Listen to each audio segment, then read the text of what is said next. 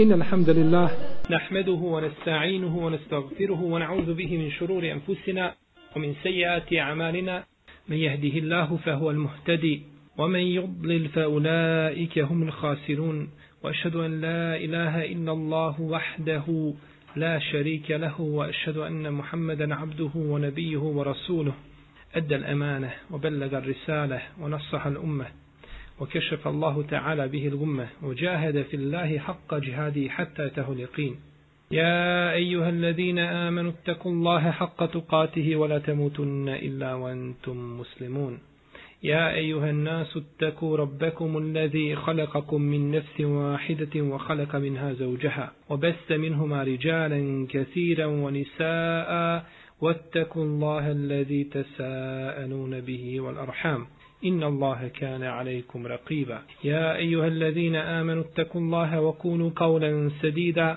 يصلح لكم أعمالكم ويغفر لكم ذنوبكم ومن يطع الله ورسوله فقد فاز فوزا عظيما أما بعد فإن أصدق الكلام كلام الله عز وجل وخير الهدي هدي محمد صلى الله عليه وسلم وشر الأمور محدثاتها وكل محدثة بدعة وكل بدعة ضلالة وكل ضلالة في النار أما بعد Mismo spominjali nekada ranije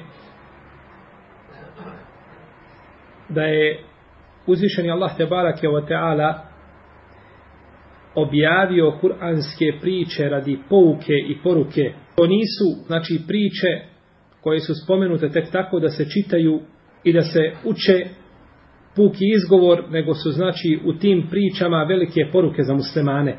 Jedna od priča koju nam je spominjao naš gospodar Tebarak Javotala u Kur'anu jeste priča dvojice Ademovih sinova. Kaže uzvišeni Allah Tebarak Javotala وَتْلُ عَلَيْهِمْ نَبَيْبْنَيْ آدَمَ بِالْحَقُ I ti njima spomeni priču dvojice Ademovih sinova istinito iz qarraba kurbanen fetukubbile min ehadihima olem ju takabbel min el ahar.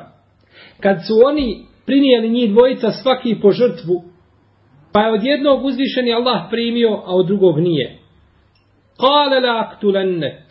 Kale, kaže, sigurno ću te ubiti. Kale innema je takabbelu Allahu min el muttaqin. Kaže, Allah prima samo od bogobojaznih. Le im besetta ilaje jedeke li taktuleni ma ene bi basiti jedije ilaje li aktulek. Inni ehafu Allahe rabbel alemin. Kada bi ti svoju ruku prema meni pružio da me ubiješ, ja ne bi svoju ruku prema tebi pružao da te ubijem. Ja se bojim Allaha gospodara svjetova. Inni uridu en te bue bi ismi o ismike, fe te kune min ashabi nar, o zalike reza u zalimin, ja hoću da ti poneseš i moj i svoj grije. I da tako skončaš u vatri, a to je zasluga onih koji nepravdu čine.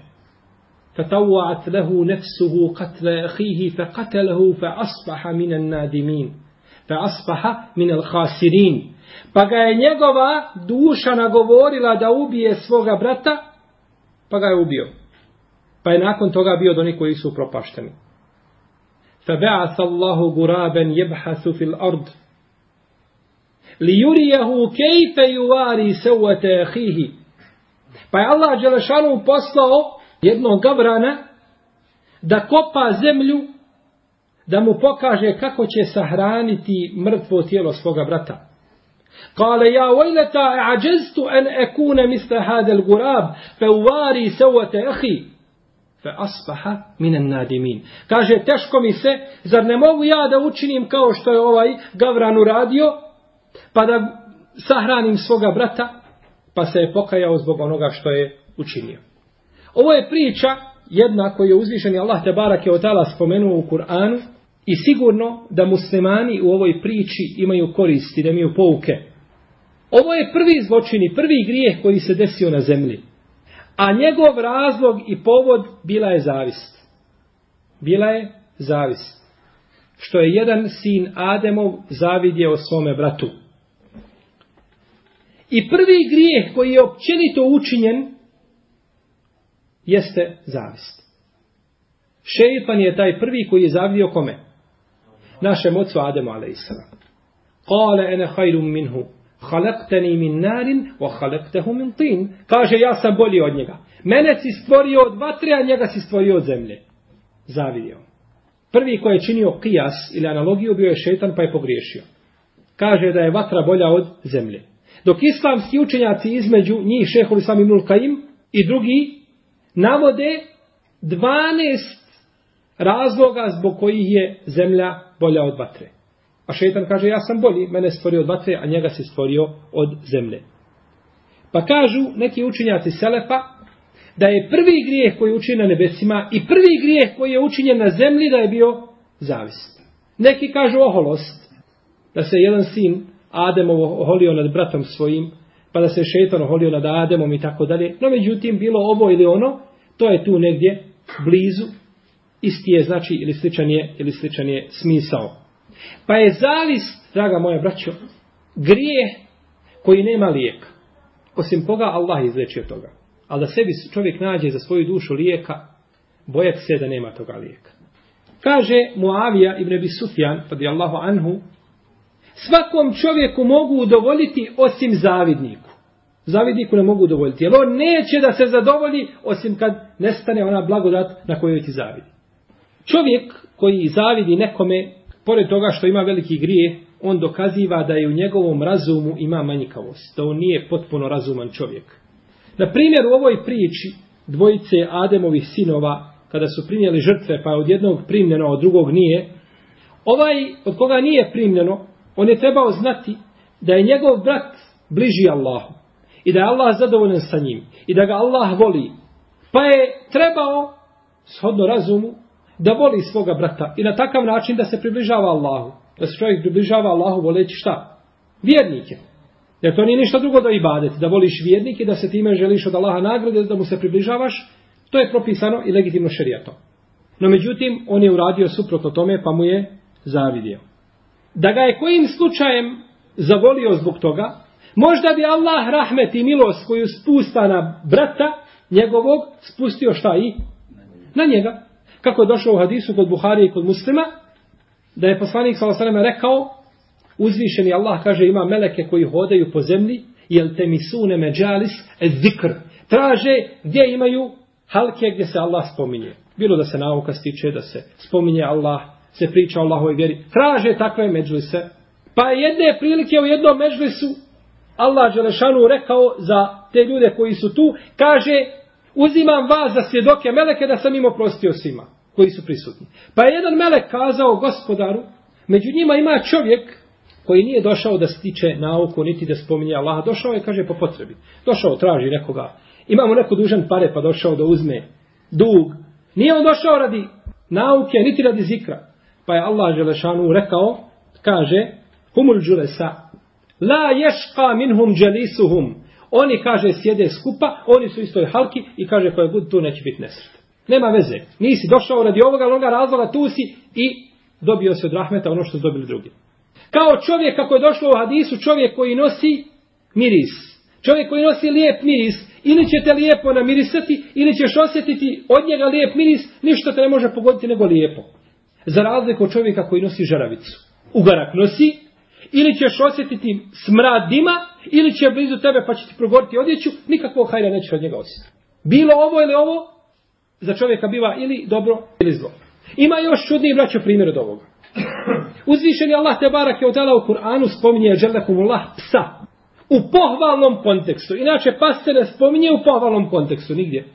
No međutim spomenut je u Kur'anu sa pričom ljudi koji su bili u pećini. I do sudnjeg dana se učeti ajeti taj se pas spominje po dobru zato što se je družio sa pobožnim i bio je uz pobožnje ili uz dobre ljude. I nama je on spomenut po čemu? Po Po dobru. A šta mislite da je bio čovjek koji je zadužen šarijatskim propisima, koji je zadužen vjerom, kakav bi njega hajr i kako bi njega dobro snašli. Pa je znači ovdje sin Ademom napravio kobnu grešku zato što je ubio svoga, zato što je ubio svoga brata. Pa je zavis, braćo, velika i teška bolest. Stoga je uzvišen je Allah te barakala pogrdio zavis pa kaže em jahsudune nase ala ma atahum Allahu min fadlihi fe kad atejna ale Ibrahime el kitabe ul hikmete wa atejnahum mulke nazima. Zar oni zavide ljudima na, onim, na onome što im je Allah dao iz, iz svoje dobrote? Mi smo u istinu Ibrahimovoj porodici dali knjigu i dali smo im hikmet, mudrost i dali smo im veliku vlast pa je pogrdio one koji, one koji zavide. I tako je došlo u hadisu, koga bileže imam Nesais od Ebu Horeire sa dobrim lancem prenosilaca, da je Resulullah sallallahu alaihi wasallam rekao, neće se spojiti dvije stvari u tri slučaja. Neće se spojiti u džahennemu musliman koji ubije nevjernika pa nakon toga bude dobar i popravi sebe i svoje stanje. Neće sa njim skupa biti u džahennemu sa nevjernikom. I neće se spojiti vatra u čovjeku u kome se je našla prašina na Allahovom putu. Gutao prašinu na Allahovom putu, tako tijelo i takvu utrobu neće pržiti vatra. I treća stvar, ne može se spojiti u srcu čovjeka iman i zavist. Dok uđe jedno, nama istera drugo. Ili jedno ili drugo, dvoje ne može nikako. Iman, tako kaže ko? Rasulullah, sallallahu alaihi wa sallam. I bilo imam tabarani sa dobrim lancem prenosilaca, Kako kaže šejh El Albani u svome sedmom dijelu svojih sahih, a, vjerodostojni svojih serija hadisa, od Amre ibn Salebe da je poslanik sa osalme rekao La je zalun nasu bi hajir malem je te hasedu. Ljudi će biti u dobru i bit će u hajru sve dok ne počnu zavidjeti jedni drugima. Kada to počne, onda se tada prekida taj hajr i to dobro. Zato je Hasan al-Basri govorio zbog čega, kaže, zavidiš svom vratu muslimanu. Ta blagodat koju mu je uzvišeni Allah te barake od dao, ili je počast od Allaha, pa toko ćeš zavidjeti onome koga Allah je počastio i ko je drag Allah. Ili je ta blagodat njemu iskušenje da bi završio gdje? U vatri. Koliko ljudi ima blagodat i metka, ali će zbog tog metka biti u vatri. Koliko ljudi ima blagodat djece, ali će zbog te djece biti u vatri, jer i nije odgojio kako treba. Pa ako je ta blagodat njemu iskušenje, što mu zavidiš na tome? Kako možeš zavidiš čovjek koji će u džehennem? Na čemu mu zavidiš? Kako god da okreneš, tvoja zavist je neispravna. Spominje Bekr ibn Abdullah al-Muzani jednu priču da je jedan čovjek siroma, miskin, dolazio kod jednog vladara, kod kralja i sjedio sa njim. I kad bi god došao, sjeo bi kazao dovoljno je dobročinitelju dobročinstvo koje čini. A dovoljno je zla zavidniku to što zavidi. Samo bi to rekao i ušutao, ništa više ne pričao. Pa je dolazio tako i govorio bi poznatu ili svoju izreku i šutao bi. No međutim, taj vladar je imao ministra vezira koji je bio zavidnik. Pa ne zna kako bi otjerao toga siromaha od kralja da se on približi. Pa reče jednog dana kralju, kaže, ovaj smatra miskin da si ti ebhar. Da si ebhar. A ebhar u arapskom je čovjek koji kada priča ima neprijatan miris iz usta mu izlazi. Kaže mu, kako ti to znaš? Pa kaže, provjeri, ispitaj ga. Kaže, približi mu se, kaže, pa ćeš vidjeti, kaže, kako se ponaša. Približi mu se i pričaj. Pa ga je pozvao da dođe sutradan, kralj, ali ovaj vezir pozvao ga prije da dođe na ručak. Dođe, kaže, na ručak, pa onda od kralja. Pa mu napravio hranu sa lukom, bijelim, crvenim, svačim nečim, da jede tako da osjeti mu se mirisu. Pa je ovaj došao miski na ručak i, evo, i otišao kod kralja. Pa je kralj pričao, pričao i se približava, pa mu je došao, kad je došao blizu, ovaj miskin stavio ruku na usta i na nos. Kaže ovaj kralj, izgleda da vezir istinu govori. Izgleda baš da meni smrdi iz usta. Pa je napisao jedno pismo, zapakovao ga i kaže tome miskinu, idi s ovim pismom kod toga i toga moga tamo namjesnika, tu u dvorcu, kaže predaj njemu ovo, kaže i on će dalje s tobom rješavati. Kada je izlazio nakonje na vrata, čeka vezir na vratima. Kaže, šta ti je rekao? Kaže, dao mi je pismo i rekao da idem kod namjesnika. A vezir zna, nikada nije ništa napisao nikome u pismu da nije bila nekakva hedija. Samo hedije dijelio. I dok napiše pismo, hedija je.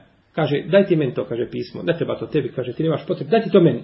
Kaže, evo, uzme pismo i ode kod namjesnika. Kada je došao kod namjesnika, otvorio namjesnik pismo, Kaže ome pismo, ovdje piše, kad ti dođe čovjek sa ovim pismom, kaže za ga, oderi ga i napuni njegovo tijelo, odnosno onu kožu napuni sjenom, slamom i nakon mi ga onda kaže pošalji ko lutku. Kaže ovaj kada je čuo vezir šta je, kaže ne ne, kaže to nije, kaže moje, ja kaže sa tim nemam veze, to je kaže od ovoga mi skina, samo sam ja kaže to preuzeo.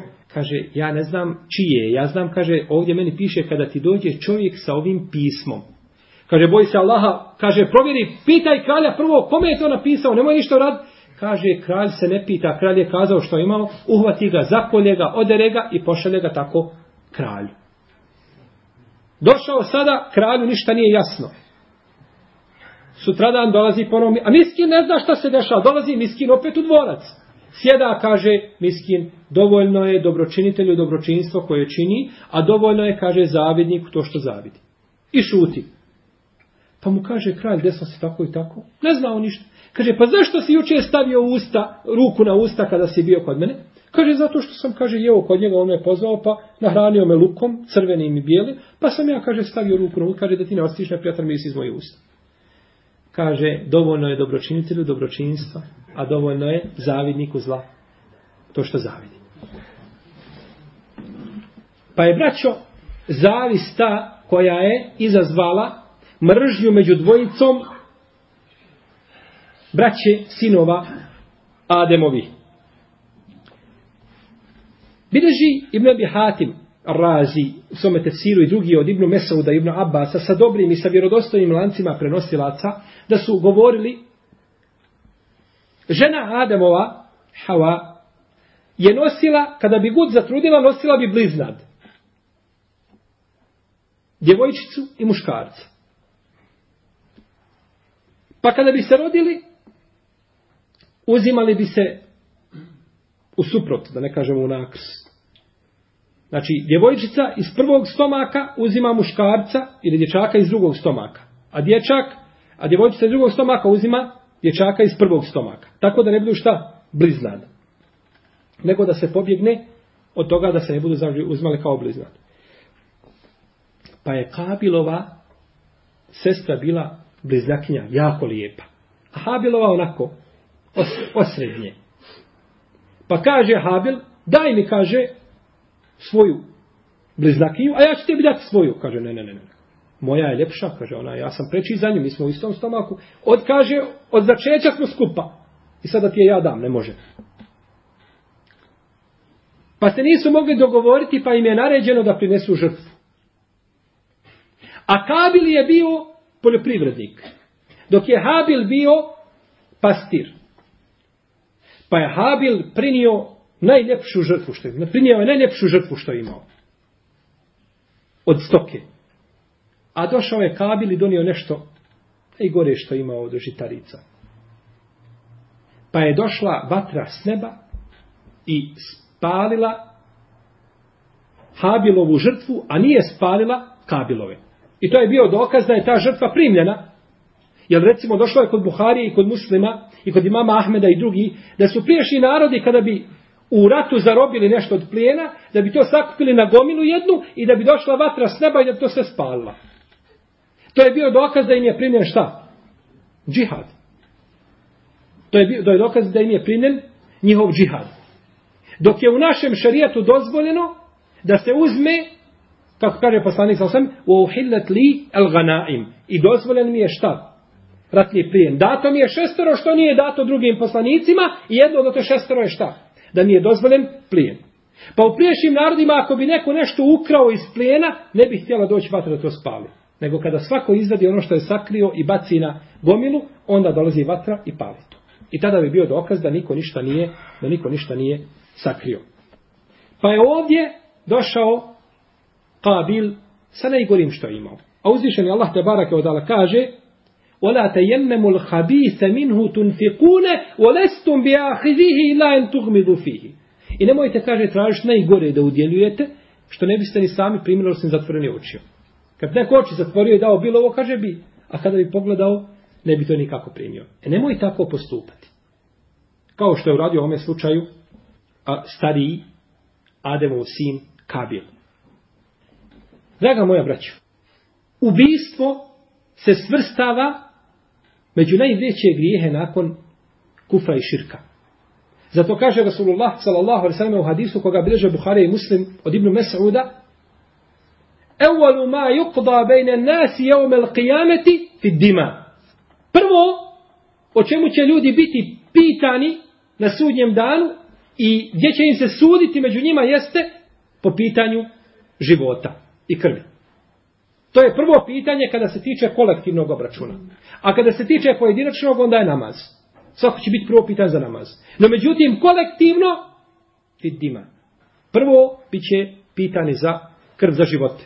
Ko je koga ubio i ko je kome život uzeo. Bileži imam Ibn Hibban i Hakim, imam Ebu Davud i Elbejhefe i drugi sa ispravnim lancem prenosilaca, da je poslanik sallallahu alaihi sallam rekao Ebu Zaru radijallahu anhu, jer braćo, fitneti kada nastupe na ovoj zemlji, tada će ljudi gubiti svoje razume. Neće moći vjerovati ono što se dešava. Biće fitneti ubijstva da neće znati čovjek koji ubija koga i zašto ubija. A ubijeni neće znati koga je i zašto ubio. Samo sretneš čovjeka, nikad ga vidio nisi i ubiješ ga. Ne znaš ni ko je musliman, ne musliman, ovakav, onakav. Pa, pa će znači doći ti. Pa je poslanik sa osaname preduhitrio sve te događaje i kazao nama kako će biti. Pa kaže u hadisu, ovdje je Buzara koji je vjerodostojan, kaže kako ćeš ti u Ebu Zer, kaže kada bude kamenje plivalo u krvi. Toliko će krvi biti da kamenje pliva u krvi. Pa mu kaže, šta mi savjetuješ Allahov poslaniče? Kaže, alejke bimen ente minhu. Kaže, drži se svoje porodice. Budi svoje porodice. Pa mu kaže, Ebu Zer radi Allahu anhu, Allahu poslaniče, zar neće okačiti sablju na vrat? Kaže, šarek tel kao me izan. Onda si, kaže, isti kao oni. Dok si okačio sablju, isti si. Pa mu kaže, pa šta mi savjetuješ Allahu poslaniče? Kaže, izan bejtek, budi, kaže, u svojoj kući. Kaže Allahov poslaniče, šta ako uđe u moju kuću i hoće da me ubije? Kaže poslanik sallallahu alaihi sallam, uzmi kraj svoje odjeće, ako se kaže bojiš gledati u sablju kako presijava, ha, ušao u svoju kuću i drži sablju, ona presijava, onako lijepo izglancana, kaže onda uzmi kraj svoje odjeće i pokri svoje lice, kaže da ne gledaš kad te bude ubijao. Pokri svoje lice. To je u fitnetima i neredima kad nastupe, kada čovjek neće znati koga ni zašto ubije. Pa kaže, pokri svoje lice i budi, kaže, ko bolji sin i budi ko bolji sin Ademov, kaže, je bu ubi ismikevo ismihi, kaže, ponijeće i tvoj i svoj grijeh. Ponijeće i tvoj i svoj grijeh. Boriš se, ne možeš gledati, nemaš snage da gledaš kako sablja sija iznad tvoje glave, pokri lice. Dok on ne završi ono što hoće da završi ponijeće i tvoj i svoj grijeh. U lema se razilazi šta znači ponijeće i tvoj i svoj grijeh. Znači svoj grijeh jasno, ono što je uradio od grijeha jasno. Ali tvoj grijeh da će ponijeti, šta znači to? Da li će nositi sve grijehe koje si u životu počinio ili će ponijeti samo grijeh ubijstva? Ispravno je mišljenje, ono što kaže većina učenjaka, kako kaže imame Salebi, da se to odnosi da će ponijeti samo grijeh ubijstva poneće tvoj, svoj grije sav što ima i tvoj grije, to jeste grije što te ubio. A neće nositi sve grijehe koje ste uradio prije toga. Došlo je u hadisu kod Buhari i kod muslima od Ibnu Mesuda, radijallahu anhu, da je poslanik sa rekao, nikada neće čovjek biti nepravedno ubijen, a da neće ponijeti prvi sin Ademov, stari Kabil, da neće imati, kaže, udiju u tome. Svako ko bude ubijen, braćo. Možete li zamisliti koliko je ljudi od Adem ali Islam i do sudnjega dana koliko će još nepravedno biti ubijeno? Koliko je to milijardi i milijardi ljudi? Za svakog od ti ljudi sin Ademov ovaj stari ima grije. Jer je on je uveo taj sunnet. Taj ružni sunnet.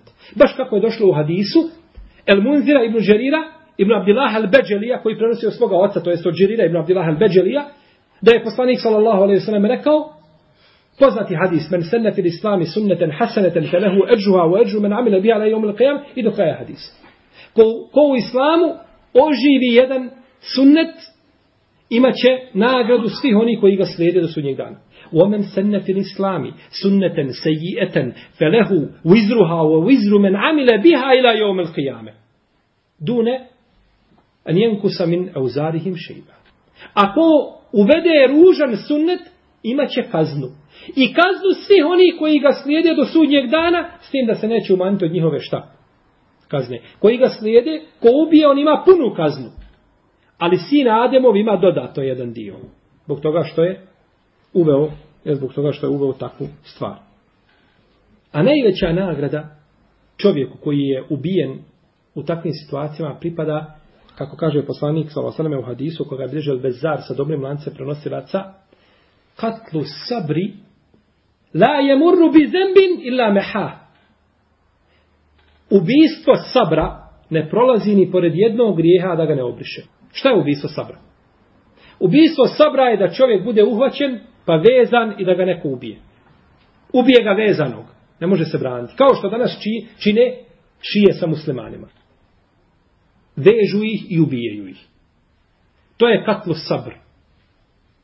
Ubijstvo sabra što je poslanik sa osnovim zabranio u hadisu koga bilježi Ebu Davud od Ebu Ejuba Lensarija da kaže nehan kapli sabr. Zabranio je poslanik sa osnovim ubijstvo sabra. Da čovjeka zavežeš pa da ga onda, da ga onda ubijaš, kaže Ibn Hajar Raskalani u svome dijelu Fetul Bari da ovaj hadis ima dobar lanac prenosilaca. Bileži imam Tabarani, ima Mahmed sa vjerodostojnim lancem prenosilaca od Ebu Bekra da je poslanik sa osvijem rekao, bit će fitnet. Čovjek koji bude ležao, bolji od onoga koji stoji. A onaj koji stoji, bolji od onoga koji hoda, lagahno. A onaj koji hoda lagahno, bolji od onoga koji hoda žurno. Pa kažu, šta nam savjetuješ Allahov poslaniče? Kaže, slomite lukove svojih strela i presjecite ona užad I udarajte, kaže, sa svojim sabljama od kamenje dok ih ne otupite potpuno. A kaže, ako neko uđe u tvoju kuću da te ubije, budi, kaže, kao bolji sin Ademov. Budi kao bolji sin Ademov. Pa kada je došao Alija radijallahu anhu kod Ubeja ibn Kjaba, kako bilježi imam Tirmizi ibn Mađe i drugi sa vjerozostavim lancem prenosilaca, Rekao mu je, kaže, zar nećeš izaći sa mnom i pomoći mi? Alija zove koga? Ubeja ibn Kaaba. Mi znamo da je Alija bio na istini. Da je Alija bio bliži istini nego Muavija. Radi Allahu te Allah, anhum ajma'in. Zar mi nećeš kaže pomoći? Pa mu kaže, Ubej, kaže, ja sam čuo poslanika, sam osaleme, da je rekao, kada nastupe fitneti, kaže, napravite sebi sablju od drveta. Kad dođu fitneti, napravi sebi sablju od drveta. Pa je pozvao sluškinju, kaže, daj da mi moju sablju. Pa mu je izvedila sablju. Kaže, evo, kaže, sablje, ako hoćeš, kaže, ja ću izaći s tobom. Pa mu je rekao, la hađete li fike wa la fisejfik. Nemam ja, kaže, nikakve potrebe ni za tobom, ni za tvojom sabljom. Pa ga je ostavio i otišao. Pa ga je ostavio i otišao. No, međutim, ako čovjek u ovim momentima ne može se strpiti i nema sabura, dozvolio mu je šarijat da se brani dozvolio mu je šerijat da se brani. Pa je tako došlo u hadisu koga bilježi imam Ebu Davud i Tirmizi Nesai i drugi, da je poslanik sa osam rekao, ko pogine radi svoje časti ili svoga imetka ili svoje vjere, on je šehid. Pa ti je dozvoljeno da se braniš od takvog čovjeka, taman on bio musliman i bio vjernik i taman ta a, zaštita samog sebe dovela do toga da ga ubiješ. Dozvoljeno je. No međutim, onaj prvi slučaj je bolji onaj prvi slučaj je bolji. Kada znamo ovo i kada znamo kakav je grije ubistva muslimana i do čega fitneti dovode, kako razumjeti fetvu, nakaradnu fetvu, oni koji kažu,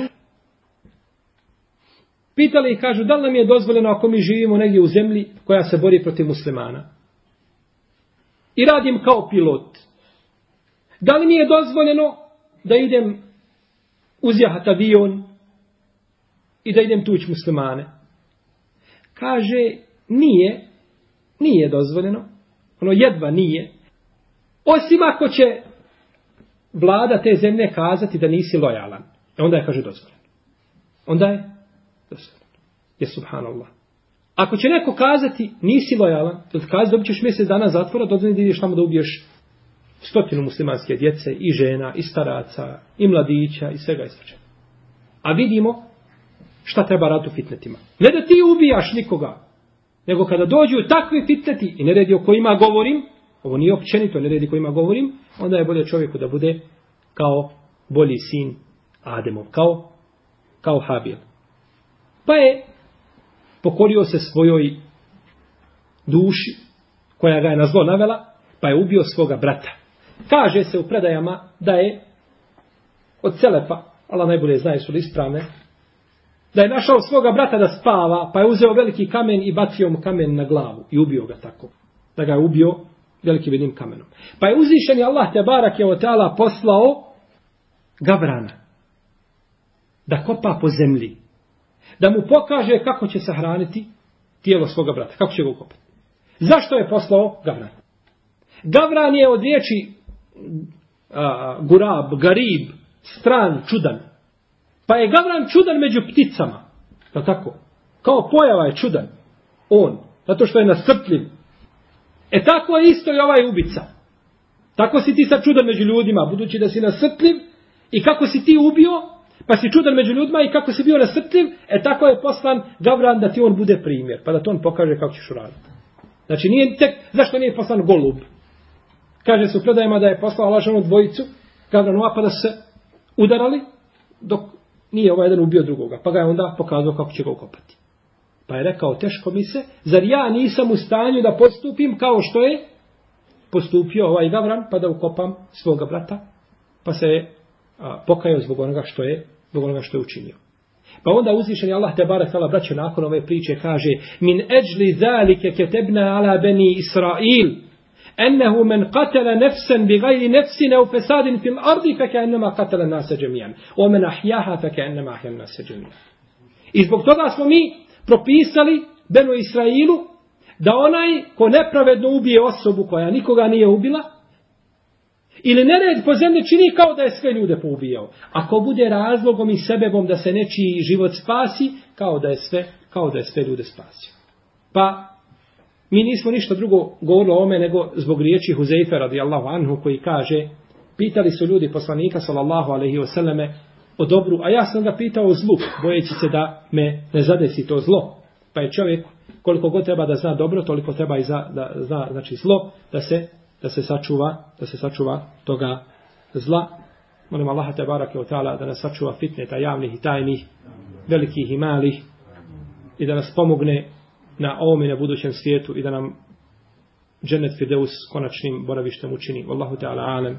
Wa sallallahu ala nebina Muhammed. Wa ala alihi wa sahbihi